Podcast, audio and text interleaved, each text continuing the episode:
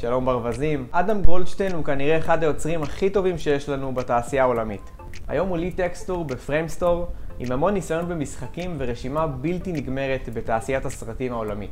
דיברנו בוולוקאסט איך היה לו לעבוד גם על הנושא השמיני, גם על שומרי הגלקסיה 2 וגם על Blade Runner באותה שנה, והאם עדיין יש סיפוק אחרי שכובשים את הפסגות הכי גבוהות.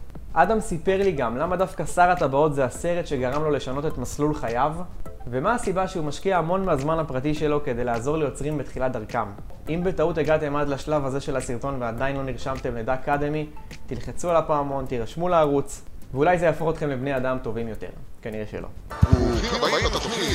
עד המערכת, יוצרים מוכשרים מהתעשייה כדי למלא חלל ריק של חברים שחסרים לו בחיים.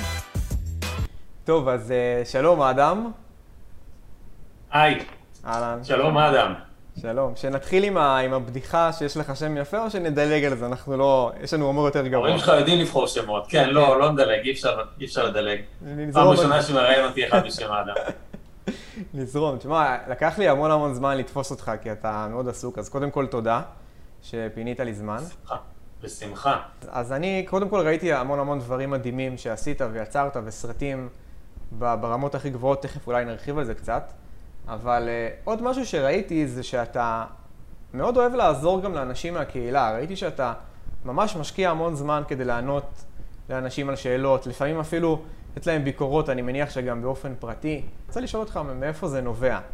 אז קודם כל, אני מוצא את עצמי נותן פחות ופחות, גם בגלל החיים, עסוקים, יש ילדים, לילדים יש חיות מחמד, יש לנו גם חיות בבית, לאדם יש לנו שני עכברים, שני חולדות, אה, לטאה, כלב, אני מוקף בחיות, זה נהדר. עכשיו נולדו לנו שני חתולים בחצר, נשמע כמו סרט. אנימציה, סרט אנימציה שלם. כן, לא. אה, כמו הנסיכות של דיסני, זהו, הגעתי לזה. אז אמ, אה, אני מוצא את עצמי גם נותן פחות בגלל שלפעמים אני כותב ואין לי זמן לסנדוויץ'. אתה מכיר את הסנדוויץ' של פיקסאר? תגיד משהו טוב, תגיד משהו, את הביקורות, ואז תגיד משהו טוב. לסנדוויץ'. אני מבין את זה לגמרי, כן.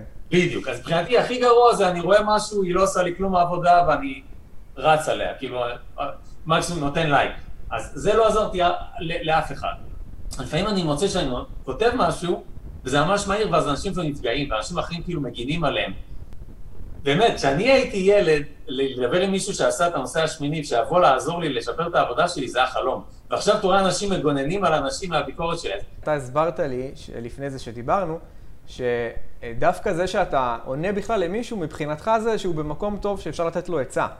ו... בדיוק. ויכול להיות אם העבודה שלך או שלך מספיק טובה שאני, שאני אעזוב את כל השטויות שיש לי בחיים, ואת היצורים של ג'יימס גן ושל וטה, שאני עכשיו עסוק מכל מיני כיוונים, ואני אכתוב, אז זה, זה, זה מעולה. אני כל כך, אה, הרמה של העבודה היא מספיק, עושה לי את זה כדי שאני אבוא ואגיד, אוקיי, פה אפשר לשפר. כן, כן. וזה אחלה. עכשיו, שאלת אותי ממה זה בא, אני חושב שכל מי שבתעשייה ועוזר בפורומים, זה בא ממקום של להגיע בעצם אחורה בזמן לבן אדם שאני הייתי לפני 15-20 שנה, ולעזור לו.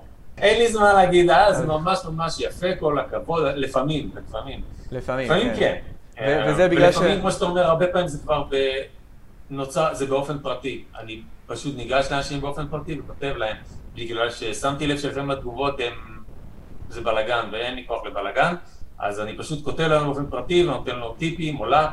כן. אני אגיד לך את האמת, אנחנו ב, ב, כנראה בעידן ה dick pics, אנשים מפחדים כשאני אומר, או, אין לי כוח לכתוב לך עכשיו, בוא שיחת וידאו, אני אסביר לך, או בואי שיחת וידאו, אני אסביר לך פה ופה, הרבה פעמים קיבלתי לא תודה, לא תודה. וואלה. זאת אומרת, אם אתם מקבלים ממני הזמן לשיחת וידאו, הצלחתם לעלות, אני אשאר לכם שעה, אני אסביר לכם איך לשפר את העבודה שלכם. ואנשים הרבה פעמים, זאת אומרת, במיוחד בחורות אומרות לא. אז אה, כן, כן. אה, אני מבין את זה, אבל... אה, אז, אז אוקיי, אז קודם כל טוב שניצלת את הבמה כדי באמת מי ששומע ש... שיבין שזה לטובתו. אגב, אני מתחבר לזה מהנקודה שגם אני לפעמים מקבל הערות, הערות ולא תמיד נעימות, אבל אני לוקח אותן גם באהבה, אתה יודע, מישהו, מישהו לא מזמן העיר לי על המוזיקה, ואתה גם uh, ראית את זה. Uh, ואני חושב שבסוף הוא צדק, ולא אכפת לי באותו רגע שהוא לא דאג להגיד לי, uh, כל. ה- הסרטונים שלך עובדים או לא עובדים, או שזה כן טוב או לא טוב, הוא אמר לי, תשמע, לא עובד לך המוזיקה, תודה רבה. אבל uh, מבחינתי לקחתי מזה את מה שאני צריך והמשכתי עם זה הלאה.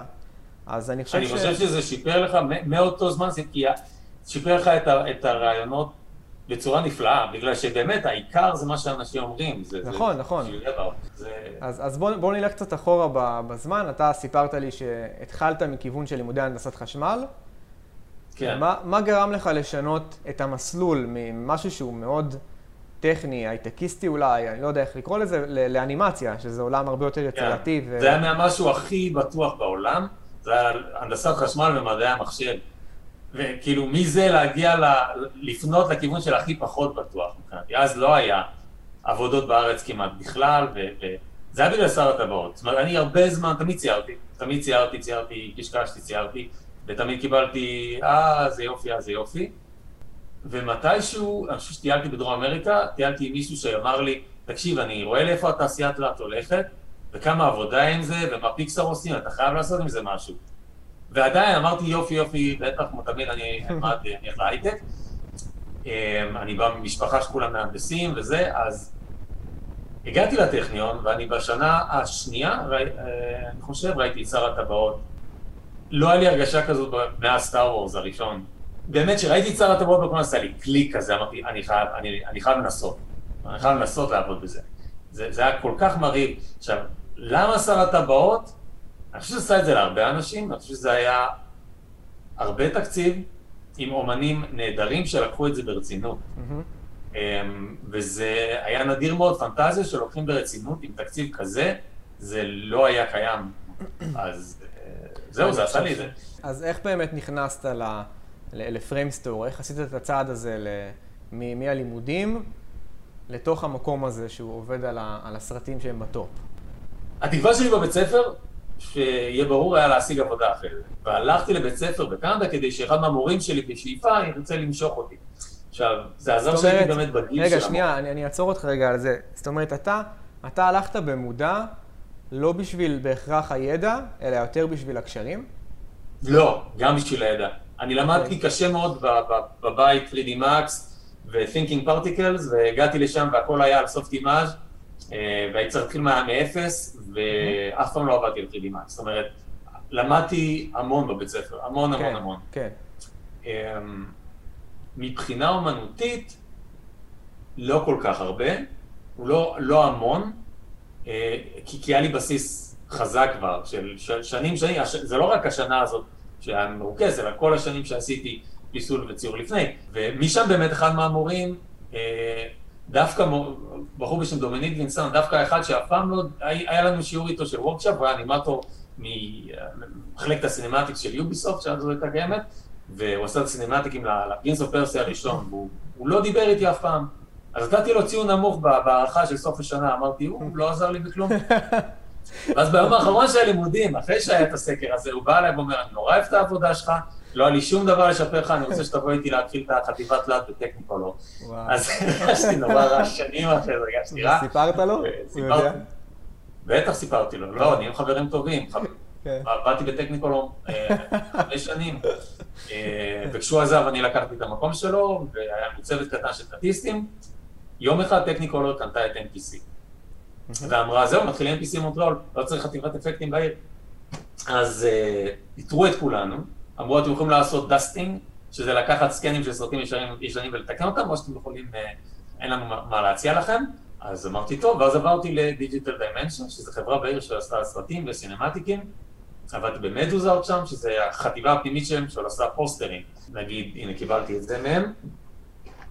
זה היה באמת, אה, אני אראה לך עכשיו. אז זה הקופסה של סטארקאפט 2, Heart of the Swarm. תבין שעבדו על זה שם שנה. וארבע חודשים. עכשיו, יש פה איזה סיפור, מדוזארט זה חבר'ה פסיכיים, יש להם מנטליות מאוד ישראלית, אני מת עליהם. זה, זה, זה מעט מאוד אה, אה, אנשים אה, חזקים במונטריאול שבאו והיו הולכים לכל הפסטיבלים של המשחקים, נגיד, הם באים ל-Blizzard, הם באים ל-Blizzard, עכשיו זה Heart of the Swarm, אני הולך להראות לך את הקופסה המקורית של StarCraft 2. יש. אז הם באים והם אומרים ל- ל- ל-Blizzard, תסתכלו פה, יש UV seams, תסתכלו פה, יש UV seams. תסתכלו פה, רואים את ה-UV seams. למה רואים את ה-UV seams בקופסה של ה-flagship product שלכם, ששנים אתם, סטארקאפט 2, ו... ו, ו בליזארד, אשכרה אומרת, אה, אמרו להם, צודקים? יש UVC, על הקופסה שלנו, תעשו אתם את הקופסה הבאה. הם קיבלו את דיאבלו 3 ואת כאילו הקופסאות שלהם אחרי זה, זה מדוזר תעשו. חוצפה בתעשייה, נורא אהבתי את זה, והפעם הראשונה שאני ישבתי במדוזר ופיסלתי חלקים של זרג, הנקודה זה שברגע שמידלתי זרגים, זאת אומרת, אחרי חמש שנים של לעבוד אה, מעט על סרטים, אבל גם ראש מתפוצץ פה, משהו, דברים קטנים על סרטים. כן. טכניקול עוזר דברים קטנים על סרטים, כי עם צוות קטן, והרוב הפרסומות, ואחרי חמש שנים של פרסומות, לעבוד על העטיפה אה, של StarCraft, זה היה כאילו, ריחפתי. זה נשמע לי לפי מה שאתה מספר, שיחסית היה לך אה, נורא קל, זאת אומרת, לימודים, אה, נכנס, המרצה שלך משך אותך לעבודה, ואז אה, MPC, ואז Framestore, זאת אומרת, הכל הלך כל כך בקלות, כמו שזה נשמע לי?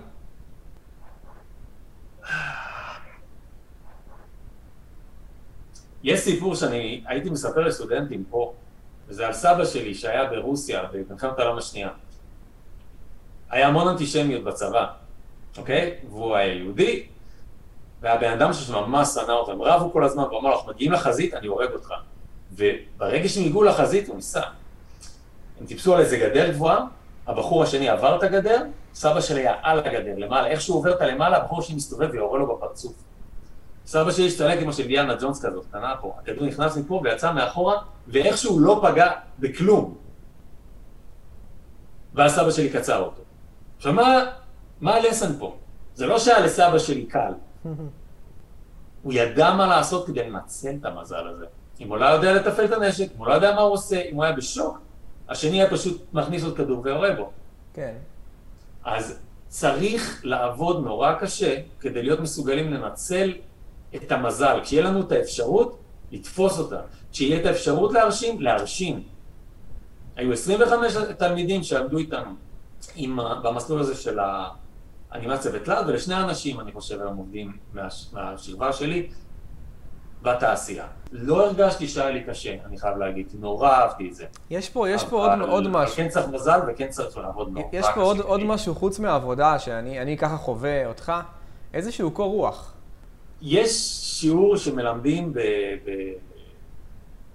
מכריחים את כל הראשי צוותים לעשות על שיעורי מנהיגות, ויש כל מיני דברים שמלמדים אותך. אחד הדברים שממש פתח לי את האופקים היה, החליטו יום אחד לתת ארבע צבעים לארבע אופים, אופאים, אופי, אופי שונה של בן אדם, אופיים. אדום זה בן אדם ששוחה בכאוס. אתה זורק עליו בלת"מים והוא, שם הוא הכי חי. אה, שום דבר הולך לפי התוכנית, יהיה. עכשיו, זה אני.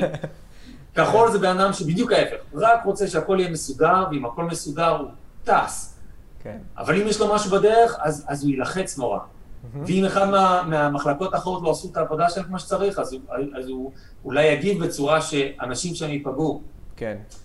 ירוק זה בן אדם שהחיים שלו זה הקטע החברתי. אם כולם שמחים וסבבה לידו, אז הוא, אז הוא, אז הוא, אז הוא יזרום, מסתדר. אני ראיתי אומנים פנטסטיים מכל הסוגים האלה, ולפעמים אם אתה באדום, ואני חושי לי באדום, אני מת על כאוס, זה בכלל לא מפריע לי, אני מופתע יותר כשאין כאוס בהפקה של סרט, ואתה רואה מישהו בכחול, והוא אומן פנטסטי, אבל הוא לא מצליח להסתדר עם הבלת"מים, ויש לך את ה... את הרגש שהוא לא חזק. אולי, כן. אולי המחשבה היא שהוא לא מספיק טוב כדי להסתדר עם זה, וזה לא קשור בכלל. יכול להיות אומן יותר טוב ממך, אבל פשוט צריך, הוא לא יודע להסתדר עם הכאוס. אז, ברגע שלמדתי את זה, אז קודם כל הערכתי הרבה יותר את האומנים שיש יש לנו צוות של כבישים, כולם אומנים נהדרים. ודבר שני, הבנתי באמת למה אני מתאים לעבוד על סרט. כי לעבוד על סרט זה בלת"מים, בלת"מים, בלת"מים, בלת"מים. בלת"מים, בלת"מים. היצור שעכשיו אני סגרתי, עבדנו עליו בערך שנה, והיה שינוי על בערך 50% מהייצור, היה לי יום לעשות את זה. והם אמרו, אוקיי, משנים את כל זה, תשנה את זה עכשיו, צריך לעשות את זה למחר. ומחר אתה רואה, זאת אומרת, אוקיי, אני עכשיו יכול להתחיל לעבוד על זה, ולא, לא, אנחנו שולחים את זה עכשיו. זאת אומרת, דברים משתנים בתעשייה הזאת לפעמים בצורה שאתה לא חושב. זאת אומרת, אתה לא חושב שדבר כזה גדול, אתה אומר, אוקיי, חודשים יעבדו על זה. לא, לא, אבל הטלוויזיה זה סוגיות אחת. כשהייתי צעיר, האמנתי בלעבוד כל הזמן. גם הייתי צריך כסף, כן, אז אמרתי, אוקיי, אני אקח פרויקט בערב, אני אקח פרויקט בערב, ובהתחלה אתה, מתחיל, אתה רוצה לרדוף אחרי הפרויקטים. אתה אומר, אוקיי, אני עכשיו מודליסט, אבל מה עכשיו סקסי? matte painting. או, אז אני ארדוף אחרי פרויקטים ל-matte painting. כמה שיש לך דברים יותר מגניבים ב-IMDb או ב- ArtStation, מה שזה לא יהיה, הפרויקטים הצדדיים האלה נהיים יותר ויותר מושכים ויש יותר ויותר מהם. זאת אומרת, זה כל הפרויקט, העבודות חלומות שאתה יכול לחשוב, אומרים טוק טוק, בוא תעשה את זה, טוק טוק, בוא תעשה את זה. כן. וצריך לדעת להגיד לא. אוקיי. צריך חושים לדעת להגיד לא, כי אחרת אני רואה אנשים נשרפים. אצלי זה אפילו האומנות הפרטית. אני מגיע הביתה, אני משחק עם הבנות שלי, אני מטפל בגן חיות, אני רואה סדרה, אבל לשבת ולצייר עכשיו, אני לא מרגיש שאני צריך. כי כל מה שרציתי לעשות אומנותית, אני עשיתי במהלך היום עבודה.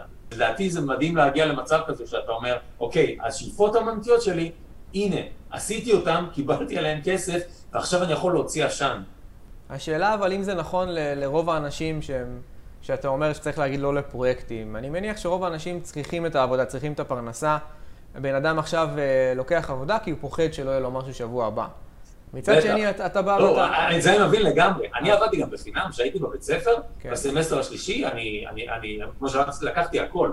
מה שקורה אבל, לדעתי, אם אתה רוצה אריכות ימים בתחום הזה, שהוא תחום מאוד, אני אגיד, זה גם קשה פיזית על הגוף של הבן אדם. בני אדם, אנחנו בנויים לרוץ אחרי ממוטות, באמת, לרוץ עשרות קילומטרים אנחנו מסוגלים, אבל לשבת ולעשות ככה, מיליון פעמים, הגוף שלנו לא בנוי לזה. בעיות מפרקים, כן.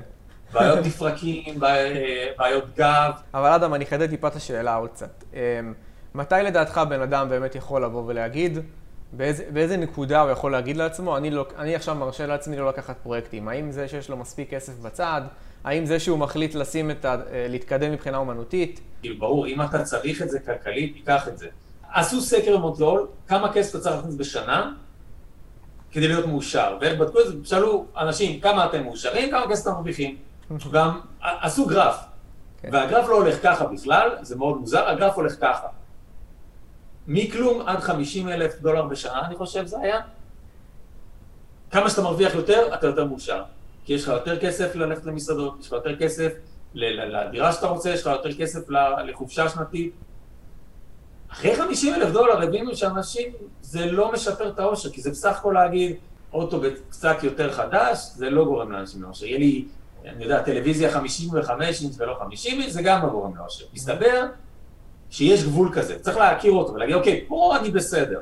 אם אתה באמת רוצה להיות בתחום הזה, להתפתח ולהישאר מספיק שנים כדי לראות מה אתה מסוגל, לאיפה אתה מסוגל להגיע, אז, אז הייתי מתחיל להגיד לא. הבנתי, אז... שאני אני ראיתי המון סופרסטארים, סופרסטארים שנשרפו. כן. אז אתה אומר, אוקיי, תגיע למה שאתה צריך, ואז, ואז כבר תתחיל לסנן. ברגע שיש לך את מה שאתה צריך מבחינת קיום, תתחיל לברור יותר את העבודות הבאות שלך. בטח, כן. לא, לא חלמתי ש... Digital Dimension, לא, Digital Domain, הם שונים לגמרי. Digital Domain עשו את טאנוס, ויגידו לי, בוא, תהיה אחראי על texture אצלנו במונטריאול, ואני אגיד, רגע, מה, עלית, אתם מציעים בעצם עבודה של מי שעשה את טאנוס, להגיד ישר לא. אתם אפילו לא לחשוב על זה. כאילו, כן. שאתה שמח איפה שאתה, שאתה balance של החיים, ילדים, עבודה, כל האמנות שאני רוצה, כמה שאני רוצה יש לי בעבודה, וגם הם סוציאליסטים. מגיעה קורונה, כל החברות בעיר מתחילות לפטר אנשים, Framestore אומרת, אוקיי, אנחנו לא רוצים לפטר, אנחנו הולכים להוריד את המשכורת למי שמרוויח הרבה. כל הבוסים חותכים ב-20%, הסופרוויזרים בזה 15%, הלידים. זאת אומרת, הם חתכו הפוך, כדי שכל הג'וניורים וה-mid לא יאבדו שקל מהמשכורת.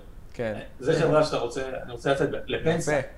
Framestore. אני אני מת על Framestore. טוב, אז בוא נחזור חזרה באמת לתחום של המידול. אתה אמרת לי שב-texture מצאת את עצמך יותר מאשר ב-modeling.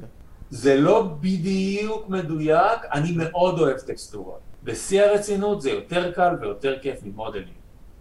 עכשיו, מה זה, המון אנשים לא יודעים, אז אני אספר לכם, להיות מודליסט בחברה שעושה סרטי, כאילו סרטים גדולים, אין הרבה חברות כאלה, יש, נחשב, לרוב זה נחשב כאילו החמש חברות הגדולות שיש, אז אם אתה בהם ואתה עובד במידול על כל יצור שהוא, העבודה האומנותית שלך לפעמים היא קטנה מאוד, ויש לך המון צד טכני. היצור הזה צריך לעבור את ה-pipeline, הוא צריך לה, לה, להתאים ל- art direction, הוא צריך לעבוד בשביל הטקסטורות, כי המודליסט עושה את ה-UV. המודליסטים עושים את ה-UV. אם אתם במקום שהטקסטוריסט עושה את ה-UV, לדעתי אתם עושים את זה לא נכון. המודליסט צריך לעשות את ה-UV כי הוא יודע איפה הוא משנה את המודל. טכנית זה צריך לעבוד, צריך לעבוד בשביל הטקסטורות, צריך לעבוד בשביל דירקטור, צריך לעבוד בשביל, יש לך המון בוסים בתור מודליסט. יגידו לך באמצע, בוא בוא, זה לא עובד, לא, הכל נתקע כן. בגללך. המודליסטים מחזיקים את ה-pipeline על הכתפיים. יש הרבה דברים שאפשר לתקן מאוחר יותר ב-comp. מידול רע זה לא אחד מהם, לא בדמות שעושה 400 שוטים. אי אפשר לתקן מידול של 400 שוטים ב-comp, זה לוקח יותר מדי זמן. כן. texture זה אחרת. קודם כל יש לך רק בוס אחד, ה-look dev artist. אם ה-look dev שמח מזה, והסיג'יס, כאילו ה-supervision, כאילו הם אומרים, אוקיי, זה נראה יפה, זה לא. אז שקט נפשי, אתה עובד, זה עבוד, אתה רגוע, נראה טוב, כולם שמחים. זה לא שזה נראה טוב, כולם, ופתאום אבל אחד מהעצמות לא טובות, או מאחורה, לא- זה לא מסתובב טוב. לא, לא, לא, מה שאתה רואה זה מה שיש. דבר שני, יש בזה עדיין את, ה, אה, את העניין של האלכימיה, של אני זורק דברים, זורק דברים, ומשהו מהם פתאום בתדירויות של הפרטים מסתדר וזה נהיה יפה. וזה נורא דומה אה, לפעמים לציור בצבע, שיש את ה-ugly phase, אתה מגיע, אתה מצייר והכל נראה מכוער, ואתה אומר, אני אמשיך וזה, אני יודע שזה יפה, כי עשיתי כל כמה פעמים שאני יודע שבסוף יצא משהו יפה בסוף. כן. אז זה אותו דבר, זה, זה מין אזור כזה לא לגמרי בשליטה, ויש את זה חוש chilling בטקסטורים, אז אני מאוד אוהב טקסטורות, וה-overtime בטקסטורות, אפסי. אנחנו בצוות נורא חזק, יש לנו ראש צוות, הראש צוות שלנו זה מייקל בורי, הוא זה שטקסטר את אה, דובי וקריצ'ור בהארי פוטר, הוא זה שטקסטר אה, אה, את Two-Face, הוא אחד מאמני הטקסטורות המדהימים בעולם. והוא גם אחד מראשי הצוותים הטובים בעולם. הוא סופר טוב בלאסוף אנשים ולגרום להרגיש טוב. הוא מהסוג, הוא הסוג האופי הירוק, הוא חברתי שכולם יהיו שמחים, ויהיה פה כיף, וכולם רגועים, ולא הצלחת, לא נורא, הנה עוד פעם, לא הצלחת עוד פעם, לא נורא, הנה עוד לא הצלחת עוד פעם. לפעמים אתה בתור בן אדם באדום, שנורא חשוב לו להשיג, אתה אומר, מה, אתה הולך לוותר, לא עולה, כאילו, עוד פעם, יאללה, בוא ניפטר. לא, בסוף זה יהיה שווה את זה, ועם השנים אני מבין שהוא צודק. תגיד, איך אתה עם פידבקים, שאתה מקבל פידבקים? כבר נגיד שזה נורא קשה, אבל אי אפשר להיות במקום כזה ושיהיה לך אגו אמנותי. עכשיו, לכולם, כולנו יש אגו אמנותי. וכמה שאתה יותר שנים בזה, אז אתה יותר כאילו נוטה להיות, אה, אבל אני עשיתי ככה. אבל במקומות כאלה, העניין של ה dailies, זה גם מה שמשפר אותך בתור אומן. אז כשאני הגעתי ל Framestore, הם עבדו אז על Gravity, וה supervisor שלהם בא להתחיל, ה supervisor של Gravity בא להתחיל את Framestore מונטריאול. ואתה יושב בחושך, נותן לך הערות מישהו, והוא סופר נחמד, אבל מלא הערות, והבן אדם הזה עולה בסוף השנה ומקבל את פרס האוסקר. שם אתה רוצה להיות, אתה רוצה ללמוד מאנשים כאלה, כן. שהיו בכל מקום ויודעים הכל, והם הם יגידו לך איך זה צריך להיות. עבדתי עם אנשים עכשיו, ה supervisor שלי עכשיו עבד על Fight Club, זאת אומרת, על המטריקס הראשון, אז זאת אומרת, הידע הוא שם, אתה עובד עם אנשים שעשו את זה. המקום עבודה הראשון שלי, Technicolor, היינו באמת, היינו שני אנשים בהתחלה בצוות לפנימה. אני והמורה שלי, והיו, זה היה מקום שדני וילנב, הבמאי של Dune, היה נכנס ובא ויושב איתנו. היה משהו מאוד מגניב בזה. מקום לאגו לא היה בכלל, אני ישראלי, אז הייתי קצת מתעקש על ה... אה, אבל אולי זה יעבוד, ואומרים לי, לא, לא, לא. אמ, ובאמת, הרבה פעמים עולה הקטע הזה של האופי הישראלי, כאילו, אז באמת קצת דוחפים יותר, וזה... כשמגיעים לסרטים גדולים, הרבה פעמים האינסטינקט שלי לעשות קיצורי דרך היה טעות. והייתי צריך לקבל את הדרך הארוכה, ולעשות את זה כמו שצריך, ולקחת יותר זמן, ובסוף אתה מגיע לגול הזה. ואותו דבר גם בביקורת. אתה, לפעמים אתה בא ואתה אומר, אבל, אבל, אבל, אחרי מספיק שנים, אני אגיד לך, כשאתה רואה את זה מבחוץ, אתה רואה אנשים מתחילים שלא מקבלים ביקורת, אז אתה קצת אומר, או, הייתי ככה, אני מקווה שלא. איפה הצד הישראלי כן עזר לך, אם בכלל? אז בוא נגיד מהצבא, זה לא לפחד לקבל החלטות, ולפעול עליהן, ולהסתער קדימה. והייתי מ"ק בכיר וסמל בכיר, ונורא דוחפים לך שם שהתגובה הלא נכונה עדיפה מאפס, תגובה. זאת אומרת, אמרו לעשות ככה, כמו צבי בא לפגוע במשאית, כולו בשוק, זה הכי גרוע. לקחת אחריות. לקחת אחריות, אבל לרוץ על זה. זאת אומרת, אתה בחרת משהו, לא היה אף אחד אחר שמסוגל לעזור לך עכשיו, לרוץ על זה. זה קורה לי עד היום בכל פרויקט. כל פרויקט יש איזו נקודה שאני אומר, אוקיי, גמרו את השוט הזאת, אבל אני חושב שאני יכול את הסריטות פה עוד לשפר, אני הולך לשפר, ואנחנו להציע להם את זה. כמעט תמיד זה, או שזה עובד, ואם לא, אז לא כועסים עליך יותר מדי. בסך הכל אתה מראה לפני אחרי ואתה אומר, הנה, יש לכם איזה הצעה, קחו את זה או לא. זה דבר אחד. דבר שני, זה ה... וזה בעיקר בהתחלה של הקריירה שלי, זה תמיד להגיד, כן, אני יכול. שזה דבילי, אבל זה, זה עזר לי. כן. זאת אומרת, גם כשלא הייתי בטוח, הייתי אומר כן, ואז הייתי פיגר איתה עוד אחרי זה, כאילו... הסרטים שדיברת עליהם, אם אני מוסיף לזה גם את הנושא השמיני, Gradient of the Galaxy 2, Blade Runner, ברגע ש, שנוגעים במקומות האלה, שמגיעים לטופ של, של התחום שלך, איך ממשיכים? זאת אומרת, יש עדיין תחושת סיפוק? הגעת להר הזה, כבשת אותו? שאלה מצוינת. זו שאלה מצוינת. זאת שאלה מצוינת. העברית שלי הולכת ונעלמת. ואצלי זה עוד יותר גרוע. כל הסרטים האלה שדיברת עליהם, אה, קרו באותה שנה. זאת אומרת, באותה שנה עבדתי על הנוסע השמיני, Guardians of the Galaxy 2 ו Blade Runner. באמת השנה קינחה כזה במועמדות ל- VES, הטיסו אותנו להוליווד, והיה חליפות, ולוק סקייווקר הגיש פרסים, והיה ג'ון פאברו, לא התאים לי, כל, כל היוקרה לא מתאימה לי, אני שונא חליפות, אבל כן, הגעתי בעצם לנפילת מתח של הקריירה, למין תחושה שאני פה, הגעתי ועכשיו עכשיו זה, זה העתיד שלי. כי ברגע שאתה פה ואין יותר גבוה, אז כאילו אפילו אם זה רק נראה לך, ואם זה הידרדרות קטנה במגניבות של הפרויקטים, זה מרגיש ככה. אני גמרתי את כל שלוש הסרטים שחלמתי לעבוד על סרטים כאלה בעת מה שהייתי ילד, במיוחד אליאן ובייד ראנר, ולעבוד על הייצור בשביל רידלי סקוט, באמת, רידלי סקוט זה היה במאי, בוא נותן לנו את ההערות, ומשם להגיע למרי פופינס. ואז הוא עכשיו את השנתיים על מרי פופינס, פרויקט גדול, מלא דברים מגניבים. ובפנים איפשהו אתה אומר, אוי, אוקיי, זה, זה העתיד. זאת אומרת, אז כל מה שרציתי הגשמתי, ועכשיו אני הולך לעשות בעצם דברים שפחות מעניינים אותי. וזה היה נפילה... איך זה מורגש? אם עכשיו אני הולך ברחוב, פוגע עם משאית, סבבה, כאילו, עשיתי מה שאני רוצה בחיים. אני הגשמתי כל מה שרציתי. כן. ובגיל 40 זה היה ממש אה, כאילו בעיה.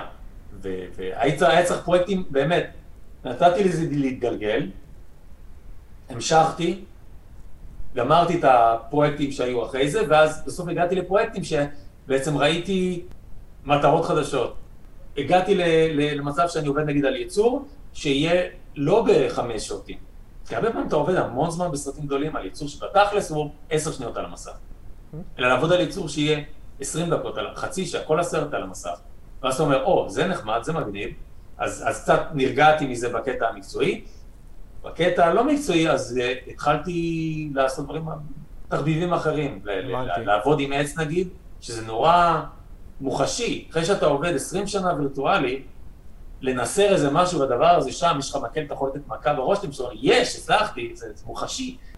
זה כמו רפונזל, בן אדם, אתה מגשים את החלומות, אתה צריך למצוא חלומות חדשים. רפונזל, אחלה סרט. אתה עובד טוב במצבי לחץ, ואמרת שאתה אוהב לחיות באיזשהו כאוס, זאת אומרת, אתה פורח בו מאשר נובל בו. אמ, אני רוצה לשאול אותך, אתה חושב שזה נכון להפעיל לחץ או לדחוף אנשים בתחילת דרכם לקצה שלהם? שאלה טובה, כי כמו שלמדתי, זה קשור באישיות של הבן אדם. יש אנשים שככה אתה רוצה להם את הכי טוב, ויש אנשים שינבלו. אוקיי. אם אני מלמד אותך, זה בגלל שבחרתי אותך, תמיד יש ריב על המקומות, לפעמים זה 200 על 5 מקומות, לפעמים זה 50 על 5 מקומות. להקשיב, לעבוד קשה, ואם לא עובדים קשה, אני מעיף אנשים מהסדנאות שלי. Mm-hmm. זאת אומרת, לי אין את הכוח להתגוננות אומנותית. לתלמידים שאומרים, אבל, אבל, אבל, אבל, לא אבל. זאת אומרת, אני, עם האופי שלי, אני, אני כן מפעיל, אני חושב, לחץ. Mm-hmm. וזה לאנשים שיכולים לקחת את הלחץ הזה. הבנתי. להילחם עם הסטודנטים כדי לשפר אותם, זה מה שאתה מקבל אם אתה מקבל כסף על הלימוד. כן. אני לא צריך כסף, אז אני לא לוקח כסף על לימודים. אני לא רוצה ללמד במשכורת, זה דבר שזה יגרום לזה שאני צריך לעבוד עם התלמידים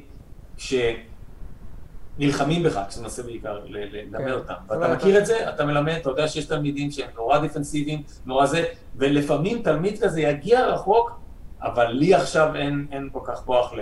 אתה סיפרת לי שלדעתך בסיס אומנותי חזק זה חשוב בהתפתחות אצל יוצר. כן, מאוד. בוא נגיד בתעשיית האפקטים, כי אני אומר לעצמי, אוקיי, אם אני רוצה להיות אה, זה לא סיבות. קומפוזיטור, אני רוצה להיות קומפוזיטור, למה, למה אני צריך ללמוד תולדות האומנות או לצייר אה, דמות? לא- תולדות או- האמנות לא, לצייר כן. לצייר, אה, הבסיס של לצייר עם עיקרון לדעתי, לצייר, לצייר, לצייר. כן. סיבה ראשונה, אתה לא יודע מה תהיה בסוף. אני בטח לא ידעתי. אתה לא יודע מה תהיה בסוף. אולי בסוף תגלה שקונספט ארט מושך אותך. מי שלא יודע, נורא קשה להיכנס להיות קונספט ארטיסט, תראו מה קורה בארטסטיישן, אבל אם אתם כבר בבית של אפקטים, המון, יש המון דרישה לקונספט ארט תוך כדי הריצה לסרט, ואם אתה יודע, ייתנו לך לעשות את זה. קפטן מרוויל הם צריכים קונספט ארט לחלק מהחללית שהיה לגמרי לא, לא פתור, מירו יודע לעשות קונספט ארט, ואני הרמתי את היד, ואמרתי אני, שוב החלק הישראלי, ל- ללכת על דברים ואחרי זה לגלות או שיט. לקבל הערות ממרוויל, הפרספקטיבה שלך לא נכונה, אני כן. יודע. קיצור, אתה לא יודע מה תעשה, אז בסיס אומנותי רחב תמיד יעזור. דבר שני, רגע, רגע, שנייה, שנייה לפני זה. מה הכוונה בסיס אומנותי? אתה יכול לפרק את זה לציור אמרת? ציור דמויות נפחים, אני מניח. כל, כל, כל דבר, כל דבר, אוקיי. מפיסול ועד ציורי טבע, אה, ציורי נוף בצבעי מים, הכל יעזור, הכל יעזור. אני מאוד אוהב גם ציור אה, חי של מודל, לדעתי זה אחד מהדברים היותר קשים ויגרום למוח להבין נפחים ופרספקטיבה ואנטומיה, מהמם. זה מלמד אותך המון. דבר שני, אה, אה, ברגע שאתה לומד להשתמש בכלים, וזה כל אחד שהיה יותר משבוע בתחום יודע, מה אתה עושה עם הכלים? יש לך את הקטע של הקראפט, שאצלנו זה לא איך להחזיק את האזמל, נכון? אצלנו זה על איזה שורטקאט ללחוץ כדי שזיברה שיעשה את זה, או כדי ש, שמאיה תעשה את זה. וברגע שלמדת את הכפתורים, שזה לא זמן ארוך, אחרי זה יש לך קריירה שלמה להבין מה אתה עושה עם זה, בסדר אומנותי, ובשביל למלא את זה, אנשים מגלים שהם לא יודעים. כי זה היה החלק הקל, החלק הקשה זה, וואלה, ללמוד אנטומיה, וואלה, ללמוד איך יצאו דירה. המון פעמים אני, נגיד בבית ספר לציור, הקבוצה הישראלית בפייסבוק, אני רואה אנשים, אני אומר, וואי, אם את היית לומדת לאט, את נכנסת אלינו לעבודה. זאת אומרת, יאללה, רק, זה, זה רק כלים אחרים, זה רק מרי במקום עיפרון. אה, אה, אז זה החלק השני. ודבר שלישי, שזה קצת מוזר, זה להרשים את הבוסים שלך. המון פעמים היה לנו מקרה של, הוא מסתכל על עדר של אנשים, ואחת מהם יש לה פתיחת גלריה. כי היא מציירת בקבוצת הפסטל של קנדה, והם עושים גלריה, ואתה אומר, וואו, אוקיי, היא הראש צוות הבא. אז אתה אומר שאם עכשיו מישהו שולח תיק עבודות, טוב לו שישלח גם רישומים שלו מ... מ... תמיד. כן? אתה, בסוף אפשר, כן, אם יש לך שתיים, שלוש, ארבע עמודים ככה, שעובדים מהר של רישומים, שמה, זה... אם יש לי דמו ריל זהה, קופי, ובאחד בסוף יש רישומים, אני לוקח את זה עם הרישומים בסוף. אוקיי, ב- בוא נדבר רגע על, על הסיכויים של אה, יוצר שמגיע מקנדה, שלומד בקנדה, מאשר יוצר שמגיע בישראל לעבוד בסטודיו כמו Framestore. זה לא פייר. אם הייתי נשאר בארץ, לא הייתי יודע לעשות מה שאני עושה היום, לא היה לי את המשכורת שיש לי היום, לא הייתי עובד על הפרויקטים, אפס סיכוי. לא 20 אחוז סיכוי, אפס אחוז סיכוי. אם אתה רוצה לרדוף אחרי, אחרי זה עד הסוף, אם אתה רוצה לעבוד על חלליות וחייזרים וזה, ברמה ש, ש, ש, שאתה רוצה, זה מה שאתה רוצה, אז אתה צריך לעבור לאיפה שהעבודה נמצאת. כל חברה תיקח אותך, תיקח עורך דין שתשיג לך ויזה ותבוא ותשלם לך על המעבר, על הרילוקיישן, זה קורה, בטח, כל הזמן, אבל לא בהתחלה, בהתחלה יש מיקוד, והמיקוד הוא, אנחנו לא יכולים לקחת אותך בתכלס כי אין לך ויזת עבודה, אבל אתה לא יכול לקבל ויזת עבודה כי אנחנו לא יכולים לקחת אותך, אז זה המלכוד. אמרת לי שיש גם איזשהו ערך ללמוד דווקא בקנדה, ולאו דווקא בגלל הידע, אלא בגלל הקשרים יותר, נכון? בדיוק, אוקיי. אני מאוד בעד בית ספר שאתה מגיע ואתה יוצר קשרים עם החבר'ה מסביבך, ויוצא, כי, כי משם יג- תגיע העבודה. אחד מהם יגיע לדאבל נגטיב, ואז הם צריכים לך שאומר, הופ, אני מכיר אותו מהבית ספר, הוא היה מגניב, הוא אחלה, כיף לעבוד איתו. הכיף לעבוד איתו זה כל כך חשוב. לכן חברות לא שולחות בקשה באינטרנט ואומרים, או חבר'ה, תשלחו לנו רילים. עד כן. שלא כולם עברו ואמרו, אה, לא, אני לא מכיר אף אחד ש... המקום הראשון, אם צריכים טקסטור ארטיסט, ה-Head of Department בא לצוות ואומר, חבר'ה, מי מכיר? אומן טקסטורות טוב, אומרים אני, אני, אני, יאללה, מסתכלים, ורק אם אף אחד לא מתאים, שולחים אה, בקשות עבודה. אז, אה, אז אה, כן, זה נורא חשוב להיות בבית ספר ולהרשים את התלמידים, ובעיקר את המורים, כי המורים אלה שיכולים ישר למשוך אותם. כן. אונליין, אני, אני לא אגיד שזה לא שווה כלום, הקטע של הקשרים זה הרבה פחות, וצריך להיות הרבה הרבה הרבה יותר מרשים כדי שהמורה יגיד, בואנה, הוא, אני אף פעם לא ראיתי דבר כזה. אני עובד בדרימוורק 30 שנה, ואף פעם לא ראיתי קונספט ארטיסט כזה. לא, זה לא יקרה. לשמור תמיד על יחסים טובים עם המרצים שלך. זה בטוח. תמיד להיות נחמדים למרצים, כי לא יודעים מאיפה יבוא העבודה הבאה, כנראה זה מהמרצים.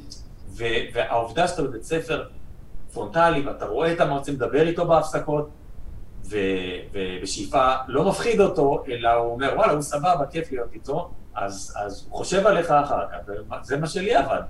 מה, מה אתה יכול להגיד, אדם, ליוצר, עכשיו, שהוא מסתכל ושומע אותנו, והוא רוצה להגיע לפרמסטור לקנדה, אמ, מה, מה הדרך, איזה טיפ אתה יכול לתת לו? בוא, אז אמרנו, טיפ אחד זה באמת להיות קודם כל שמה. להיות שם. להגיע פיזית לקנדה. להיות שם ולעשות הכי טוב שאתה יכול, ולהיות הכי נחמד שאתה יכול. באמת, אה, להיות מניה כמוני עכשיו ולהגיד, לא צריך לעשות ככה, זה אחרי זה. להיות נחמד, הכי נחמד שאפשר, ל- ל- כל כך חשוב להיות נחמד. זה, זה מה שאתה עושה בהרצאות שאתה מגיע לארץ, אתה מכווין אנשים בתחילת הדרך איך, איך להתקדם כן. בתחומם? אני מדבר הרבה על תלת ואומנות וזה, וקצת על מה אני חושב כדי, שצריך לעשות כדי להגיע לזה, כי זה מה שאנשים רוצים לדעת, וזה מה שאני לא יכול לדעת, כי הדברים משתנים. זה לא שזה משחק לוח ותעשה בדיוק את הצעדים שאני עשיתי, אז תגיע לאותה תוצאה. זה, זה נורא רנדומלי, החיים משתנים כל הזמן, פתאום נופלת עלינו הקורונה. אתה אומר, העניינים, העניינים הבירוקרטיים הם כל הזמן גמישים, וצריך לברר איפה זה עומד בכל רגע נתון. ח- חייבים להבין שהאינטרנט עשה דמוקרטיזציה אדירה ל- ל- כן. לקולות של אנשים, אוקיי? וזה קשה להבין בכלל, זאת אומרת, מישהו שאין לו מושג בכלום יעשה אותו רעש כמו אומן שעבד 30 שנה על סרטים. ואתה צריך לדעת להקשיב לאנשים הנכונים, שיביאו אותך, ידחפו אותך, כנראה הם יודעים מה הם מדברים, ולהקשיב להם. כן. אה, אה, וזה, וזה זה גם מדהים שאנחנו חיים בעידן שיש לך את האנשים האלה. אתה יכול, אה, לפני שאנחנו מסיימים, לספר קצת על הסדנה שלך? כן, פעם בשנה אני עושה סדנה, וזה משהו ש, שלי לתת לקהילה, ואני בוחר בקפידה את האנשים. שם באיגוד מקצועות האנימציה, וכל כל הקבוצות האלה בפייסבוק של האנימציה הישראלית, אני, אני כן. שם מודעה. תשלחו לי, אה, אם אתם מעוניינים, זה לעבוד הרבה, צריכים, צריכים להשקיע בזה, בזה זמן. אם מישהו לא משקיע בזה זמן, אני מעיף. בוא נגיד לכם שאתה- בתקווה עבודה שהיא תהיה טובה לדמו-ריל, אבל כן. זה יהיה הרבה השקעה, ותשלחו לי דמו-רילים, ואם אתם מעוניינים, ואנשים שולחים, ואז אני בוחר סטודנטים ורצים.